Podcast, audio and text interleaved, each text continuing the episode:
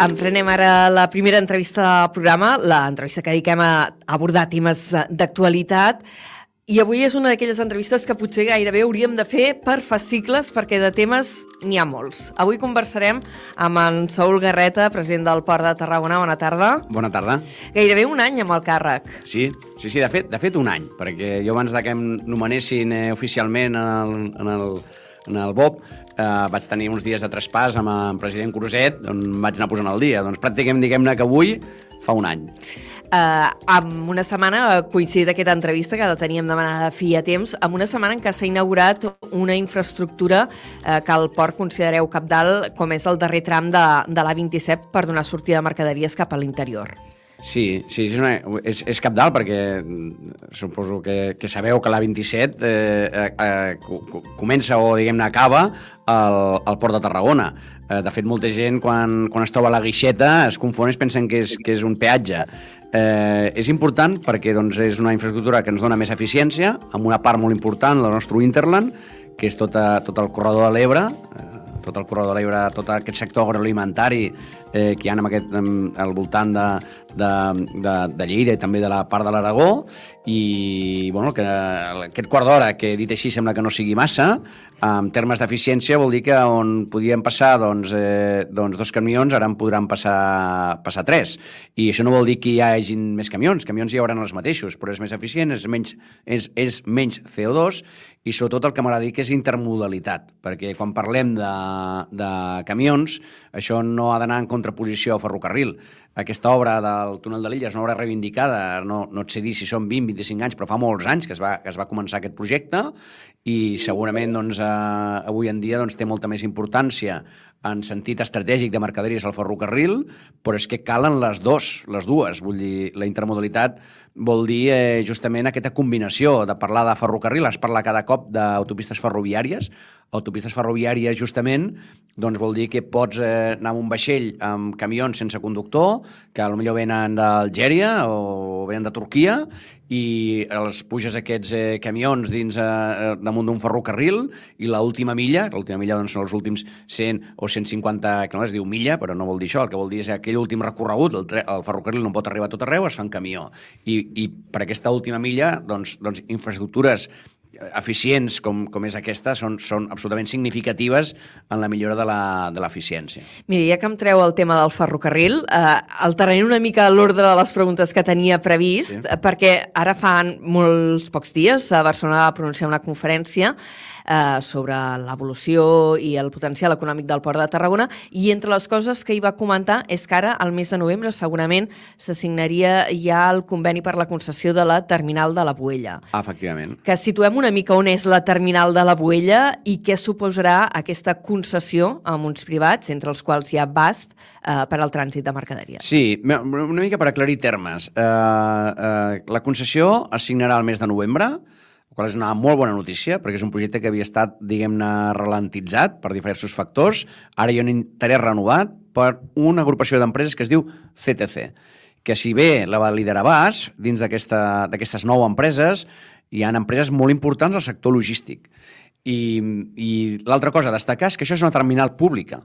O sigui, és una concessió de dins de l'espai portuari, de la, de, de, de limitació portuària, però això és una terminal pública. Això és una terminal que qualsevol empresa podrà operar eh, trens eh, també, doncs, doncs, doncs, amb unes normes eh, que sempre pre prevaldrà aquest interès, aquest interès, eh, aquest interès públic. I això avui en dia és molt important. O sigui, L'aposta que està fent Europa per al ferrocarril és, és, eh, és claríssima. O sigui, estem parlant de que l'any 2030 hem d'augmentar un, un, un 30% actual, les actuals xifres, però és que el 2050 les hem de doblar. Eh, això o es fan amb iniciatives com la nostra, eh, que és doblada, perquè sabeu que la terminal de Guadalajara, eh, que està tocant a la Sal, està tocant a la Sal, al moll d'Andalusia, eh, té la seva terminal Bessona, eh, que és... Uh, uh, ah, perdó, perdó, ara m'he equivocat. La, la de la Buella té la terminal Bessona a Guadalajara. Són dos terminals eh, pràcticament calcala, calcades, de 16 hectàrees, preparades per fer per flatar 8 trens d'anada i tornada. Eh, van al mateix ritme. O sigui, ara signem la concessió de la, de la, de la Buella. CTC i en poques setmanes començaran les obres del Guadalajara. Vull dir, això ens millorarà tot el que és l'eficiència i, i aquesta activitat industrial que, que ens hem conjurat a descarbonitzar-la al mateix temps, i tot el sentit del món. No? De fet, l'altre dia vam, vam nosaltres impulsar una trobada amb tot el clúster empresarial de, de, de la zona al voltant de, de, de Guadalajara, amb Cambra de Comerç de Tarragona, amb Aport, vam fer una jornada per justament impulsar aquestes relacions comercials perquè el port de Tarragona sigui tant un port d'entrada com de sortida de mercaderies. Uh, tornant a la Buella, què implica la signatura d'aquest conveni? I això vol dir que seran aquest uh, conglomerat d'empreses de, qui gestionaran aquest espai, l'operativa d'aquest espai, Exacte. qui farà inversions? Com... Exacte, això implica una inversió doncs, de, de més de 22 milions d'euros, això implica eh, sobretot una aposta per al ferrocarril de mercaderies, això implica eh, a, a mitjà termini, perquè això no és, no és una cosa que puguem assegurar, no és una cosa matemàtica, però hi ha infra infraestructures infraestructures que generen demanda, i aquesta clarament genera una demanda de, de tràfics marítims, que són el que ens interessa, i una, nosaltres ho lliguem molt amb el concurs d'Andalusia, que era un moll que el teníem dedicat pràcticament en exclusiva dissenyat perquè fos un moll de contenidors i des del port tenim una nova estratègia de buscar-li un, un objecte d'un multipropòsit, és a dir, preparada per diversos tipus de mercaderies, compatibles a la zona sensible on està, que és propera a l'activitat, la, diguem-ne, turística, o sigui, han de ser activitats netes, però um, um, molt més oberts doncs, a projectes de project cargo, projectes de, de millor doncs, fer una, un, um, un tema doncs, de, de soja o de cereals però empaquetat, eh, sempre prioritzant tota la part aquesta del ferrocarril, on puguem, per què no, doncs, eh, aquests nous combustibles eh, que doncs, tant se'n parla, vinculats a la descarbonització, captura de CO2, barreja amb hidrogen, tots aquests, aquestes noves oportunitats que estan, sort, que estan sortint, és absolutament absurd que nosaltres, com a Port de Tarragona, un moll de més de 40 hectàrees, el destinem en exclusiu en contenidors quan no sabem si el podrem omplir, que és una mica doncs, el problema que teníem. I justament ara busquem aquesta, aquesta, aquest multipropòsit per estar totalment oberts i després mm, també amb la potència que tindrà la SAL, que una zona d'activitats logístiques el que fa és, és doncs, omplir aquells buits aquells buits que hi ha no? amb aquest transport de mercaderies. Doncs són totes, totes aquestes peces, la terminal de Guadalajara, la terminal de la Buella, la zona Sal i el moll d'Andalusia, que són peces d'un mateix trencaclosques que ara s'estan juntant. Mhm. -huh. Perquè el moll d'Andalusia s'havia acabat la concessió, també funcionava amb una concessió privada? Les concessions, les concessions eh, els espais són el port, perquè ens entenguem d'una manera així planera, ens dediquem doncs, a llogar espais. A llogar espais, diguem-ne que són autoritzacions o són concessions. I aquests espais eh, eh, es fan, eh, no, no, o sigui, es fan d'una manera endreçada, d'una manera estratègica i preparant una sèrie d'infraestructures perquè, eh, perquè generi una sèrie de tràfics, que és, que és, el, que és una mica doncs, el que, el que fer, fer moltes altres coses, però bàsicament bàsicament és... és Moure aquesta. coses amunt i avall. Llavors, el, el, es, es fan uns concursos públics, s'hi presenten una sèrie d'empreses, i hi ha uns plecs de condicions que han de complir uns, uns mínims, i com que la terminal d'Andalusia era una terminal que es van fer uns plecs pensats en contenidors, s'hi van posar uns mínims que l'actual empresa, que era adjudicatària, no, no complia, no perquè no volgués, sinó perquè allò no, no estava passant, perquè doncs, el mercat global doncs, té, bueno, és fluctuant i doncs, doncs, doncs pel que sigui no les estava complint. Nosaltres vam pensar que era molt més intel·ligent eh, d'alguna manera doncs, plantejar una concessió nova perquè no estava complint aquests mínims. De fet, legalment estàvem obligats a caducar-la, és el que vam fer, i el que plantegem és una, una proposta molt més adaptada a aquesta sèrie d'infraestructures que nosaltres tenim i que volem posar en valor. I llavors, evidentment, hi ha d'haver un moll que funcioni perquè doncs, el, el tràfic marítim, el 90% del tràfic mundial, es mou pel mar. No? Llavors, totes aquestes peces tenen un sentit com a port si tenim un moll com el d'Andalusia que funcioni. Anem parlar... T'he explicat o no? Eh? Jo crec que sí, eh, tot sí, i que s'han rebassat passat, però anem a és que posar... ho és, és que em fas preguntes complexes. Eh, sí, però... anem a posar ordre amb aquestes peces. Tenim sí. una terminal al mateix, a les mateixes instal·lacions portuàries, que és la de la Buella, que ara, per dir-ho d'alguna manera, el llogareu. Sí, D'acord. Sí. Tenim una terminal de zona... Eh? O sigui, però... eh, tècnicament és una concessió, eh? Es poden fer autoritzacions a un any, ho posem però una concessió. En termes fins planers. a 50 anys, eh? Una concessió sí, fins a 50 anys es poden fer, d'acord?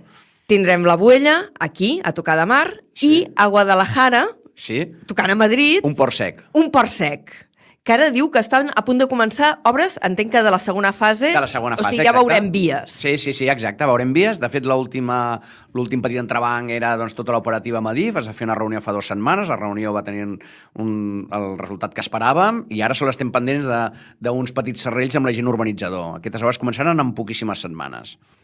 Doncs ja tenim dos peces, tenim un, una, una terminal a tocar de mar, una altra a l'interior perquè hi hagi fluxes de trens de mercaderies Molt bé. i després tenim la ZAL, que d'això sí que fa potser 20-30 anys que se'n parla. Sí, sí, no em miri... Sí, sí, perquè jo era molt jove que, que ja se'n parlava. Um, que ara esteu fent les obres, diguéssim, d'accessos. Eh, Sí. Ara tenim les superobres a la carretera, a l'autovia que va de Tarragona a Salou, Sí. eh, que per facilitar la sortida de El mercaderies d'aquí, precisament. Mm. El pas soterrani a la rotonda de la Piconadora. Com van aquestes obres? No, va- van, van, van eh, conforme al planning, vull dir, això anem, anem, anem com tot el que teníem previst s'està produint. Tenim algun petit retard abans d'un mes amb una licitació d'una part que està fora del nostre àmbit portuari, eh, però doncs van l'altre dia vam rebre l'avaluació ambiental eh, del projecte d'urbanització positiva, favorable. Ens estem coordinant molt bé amb, amb totes les administracions públiques. Nosaltres creiem que com a administració el que hem de fer és alinear tots els factors. Ho, ho, ho estem fent. Eh, de fet, hem fet reunions aquestes últimes setmanes per alguns informes que quedaven. Eh, i, el, I el que és important i que és una fita històrica és que eh, ja hem, ja, hem, ja hem enviat tota la documentació a nivell intern per fer la licitació de la recuperació de 37 hectàrees dels Prats del Vinyana que això, després de la recuperació dels estanys d'Ibars d'Ur- d'Urgell, és, és una fita històrica, és una fita ambiental com, com no n'hi havia hagut cap altra des d'aquesta de, des que et comento, no? Eh, I això començarem les obres segur abans d'estiu. I no ho fem abans perquè tots els processos de licitació tenen un període garantista de, de període d'al·legacions, d'apliques, etc que això ens produirà doncs, doncs uns dos o tres mesos fins que l'empresa comenci les obres. Abans de l'estiu recuperarem 37 hectàrees d'aiguamolls i xarxa Natura 2000 amb un, amb un lloc tan, diguem-ne, eh, estratègic o tensionat com és aquesta front, frontisa no? entre, entre un, un, un, un, port industrial i, i una zona turística de primer nivell. Eh? Mm. I, i, I allà al mig tenim 37 hectàrees de xarxa Natura 2000. Perquè això li anava a preguntar o, o demanar que us situéssim una mica sí. geogràficament, Sí. perquè la zona d'activitats logístiques eh, situem laboral de Tarragona, no? Seria sí. cap a la part sud, tirant cap a la Pineda, i aquesta zona dels Prats Sí. d'Albinyana eren uns antics aiguamolls Exacte. que recuperaran, que estan a tocar de la Pineda i a tocar de les Alps. Exacte, el nivell freàtic és, és força alt i el recuperar tota aquesta zona doncs, creant tota una sèrie d'aiguamolls. És un projecte que s'ha fet amb tot el consens i, i, i, i, carinyo que, que, que mereix una,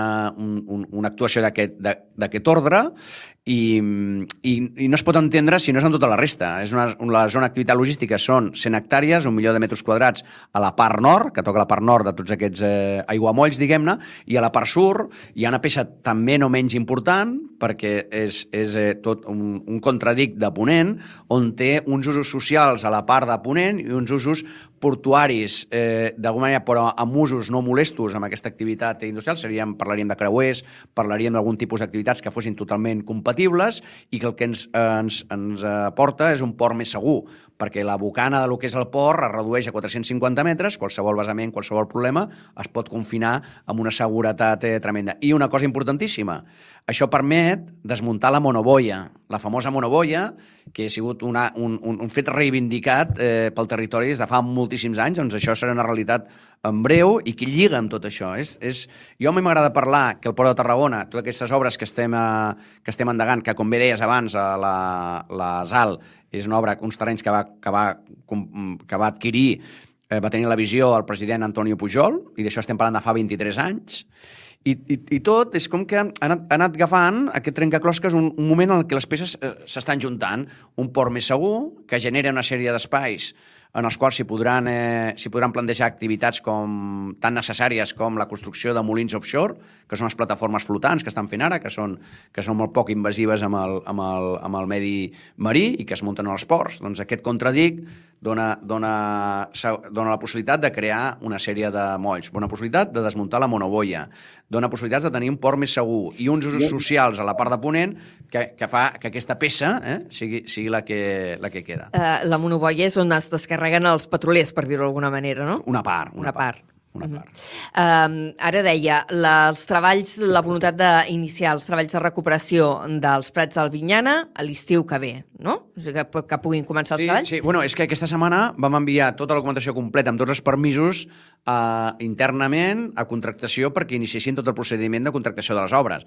Pas que això, doncs, vulguis no, triga 3-4 eh, mesos, eh, abans d'estiu comencem les obres seguríssim. Mm -hmm. això, això sí que m'hi comprometo aquí en el, en el públic. I les obres de la, de la zona d'activitats logístiques, perquè clar, allò són uns terrenys molt grans que s'han d'urbanitzar per poder llogar o per poder fer les concessions de les parcel·les. Eh, això quan començarà? Això comen començarà... No no, no, no, m'atreveixo a dir-te una, una data, però el que sí que puc dir que totes les obres d'urbanització del voltant les tenim pràcticament, pràcticament uh, acabades. Ens queda, ens queda una part d'una rotonda que es licitarà ara i tota la part interior necessitàvem l'avaluació ambiental que vam rebre l'informe favorable. I això, doncs, agrair totes les administracions, especialment Generalitat, que ens ho ha facilitat la setmana passada. Eh, ara el que és l'informe favorable de l'Ajuntament de Vilaseca, el, el compromís que el tindrem en poques, en poques setmanes. Evidentment, s'ha d'entendre que és una peça que té la seva complexitat. O sigui, la zona d'activitats logístiques està tocant amb un pol petroquímic més gran del sud d'Europa, amb un port industrial i amb una zona turística de primera magnitud. És a dir, que és normal, el, diguem-ne, el, el, el mimo, no? amb, el que, amb la cura amb la que s'han de projectar tots aquests espais, però aquest informe favorable de l'Ajuntament el tindrem en, poc, en poques setmanes, aquest és el, el compromís, l'avaluació ambiental ja la tenim, i després el que trigui fer les obres. O sigui, les obres trigaran mínim un any, la licitació, posem-ne doncs, eh, que el 2025 això hauria d'estar acabat. Hauria d'estar... O sigui, poder fer la licitació l'any vinent sí. i començar obres I també ja l'any vinent. I el 2025 haurien d'estar. Jo, jo espero poder veure-les com a president, en el ben entès que els presidents som interins, que això és un treball d'equip, eh? com bé comentaves eh, parlem de 22 anys, el president Antoni Pujol doncs, va ser qui va tenir aquesta visió, una visió que avui en dia és absolutament necessària. I el que comentava abans, a mi no m'agrada parlar de creixement, m'agrada parlar de que estem fent la compleció d'un port eficient, sostenible, segur, resilient, m'agraden aquests conceptes i perquè que això es produeixi cal aquest contradic de ponent, cal possibilitar aquests, aquests molls que generaran totes aquestes oportunitats, cal la zona alt, cal la terminal de la Boella, cal la terminal de Guadalajara, cal que fem un front portuari amb, amb tots els ports de la Generalitat i també i també d'altres territoris per ser més eficients, més descarbonitzats, com, com, com deia abans amb un company meu fa una estona, no? hem de treballar en equip perquè els reptes en els quals ens enfrontem, que és l'adaptació a aquest canvi climàtic, diguem la lluita perquè els efectes no siguin desastrosos, requereix generositat, treball en equip i coordinació. I aquestes peces en les que nosaltres estem treballant tenen un caire metropolità, de segona àrea metropolitana més gran de, més gran de Catalunya, amb una importància i estem jugant molt. O sigui, Vostè ara incideix bastant amb tot aquest tema del canvi climàtic, la descarbonització. Sé que personalment és un tema que el preocupa i també eh, estratègicament s'estan fent actuacions a la Port de Tarragona eh, per implantar energies renovables i per millorar l'eficiència energètica. En tenim l'exemple amb les plaques solars que ja es poden veure al moll de costa. Mm. També se n'han d'instal·lar al moll de Balears, el dic de, el, no, el dic de Llevant, eh, on hi ha la terminal de creuers. Allí també hi va tot un seguit de plataformes solars. Eh? No, sí, allí en bastants més llocs. Eh, nosaltres el que estem... Intentaré ser sintètic.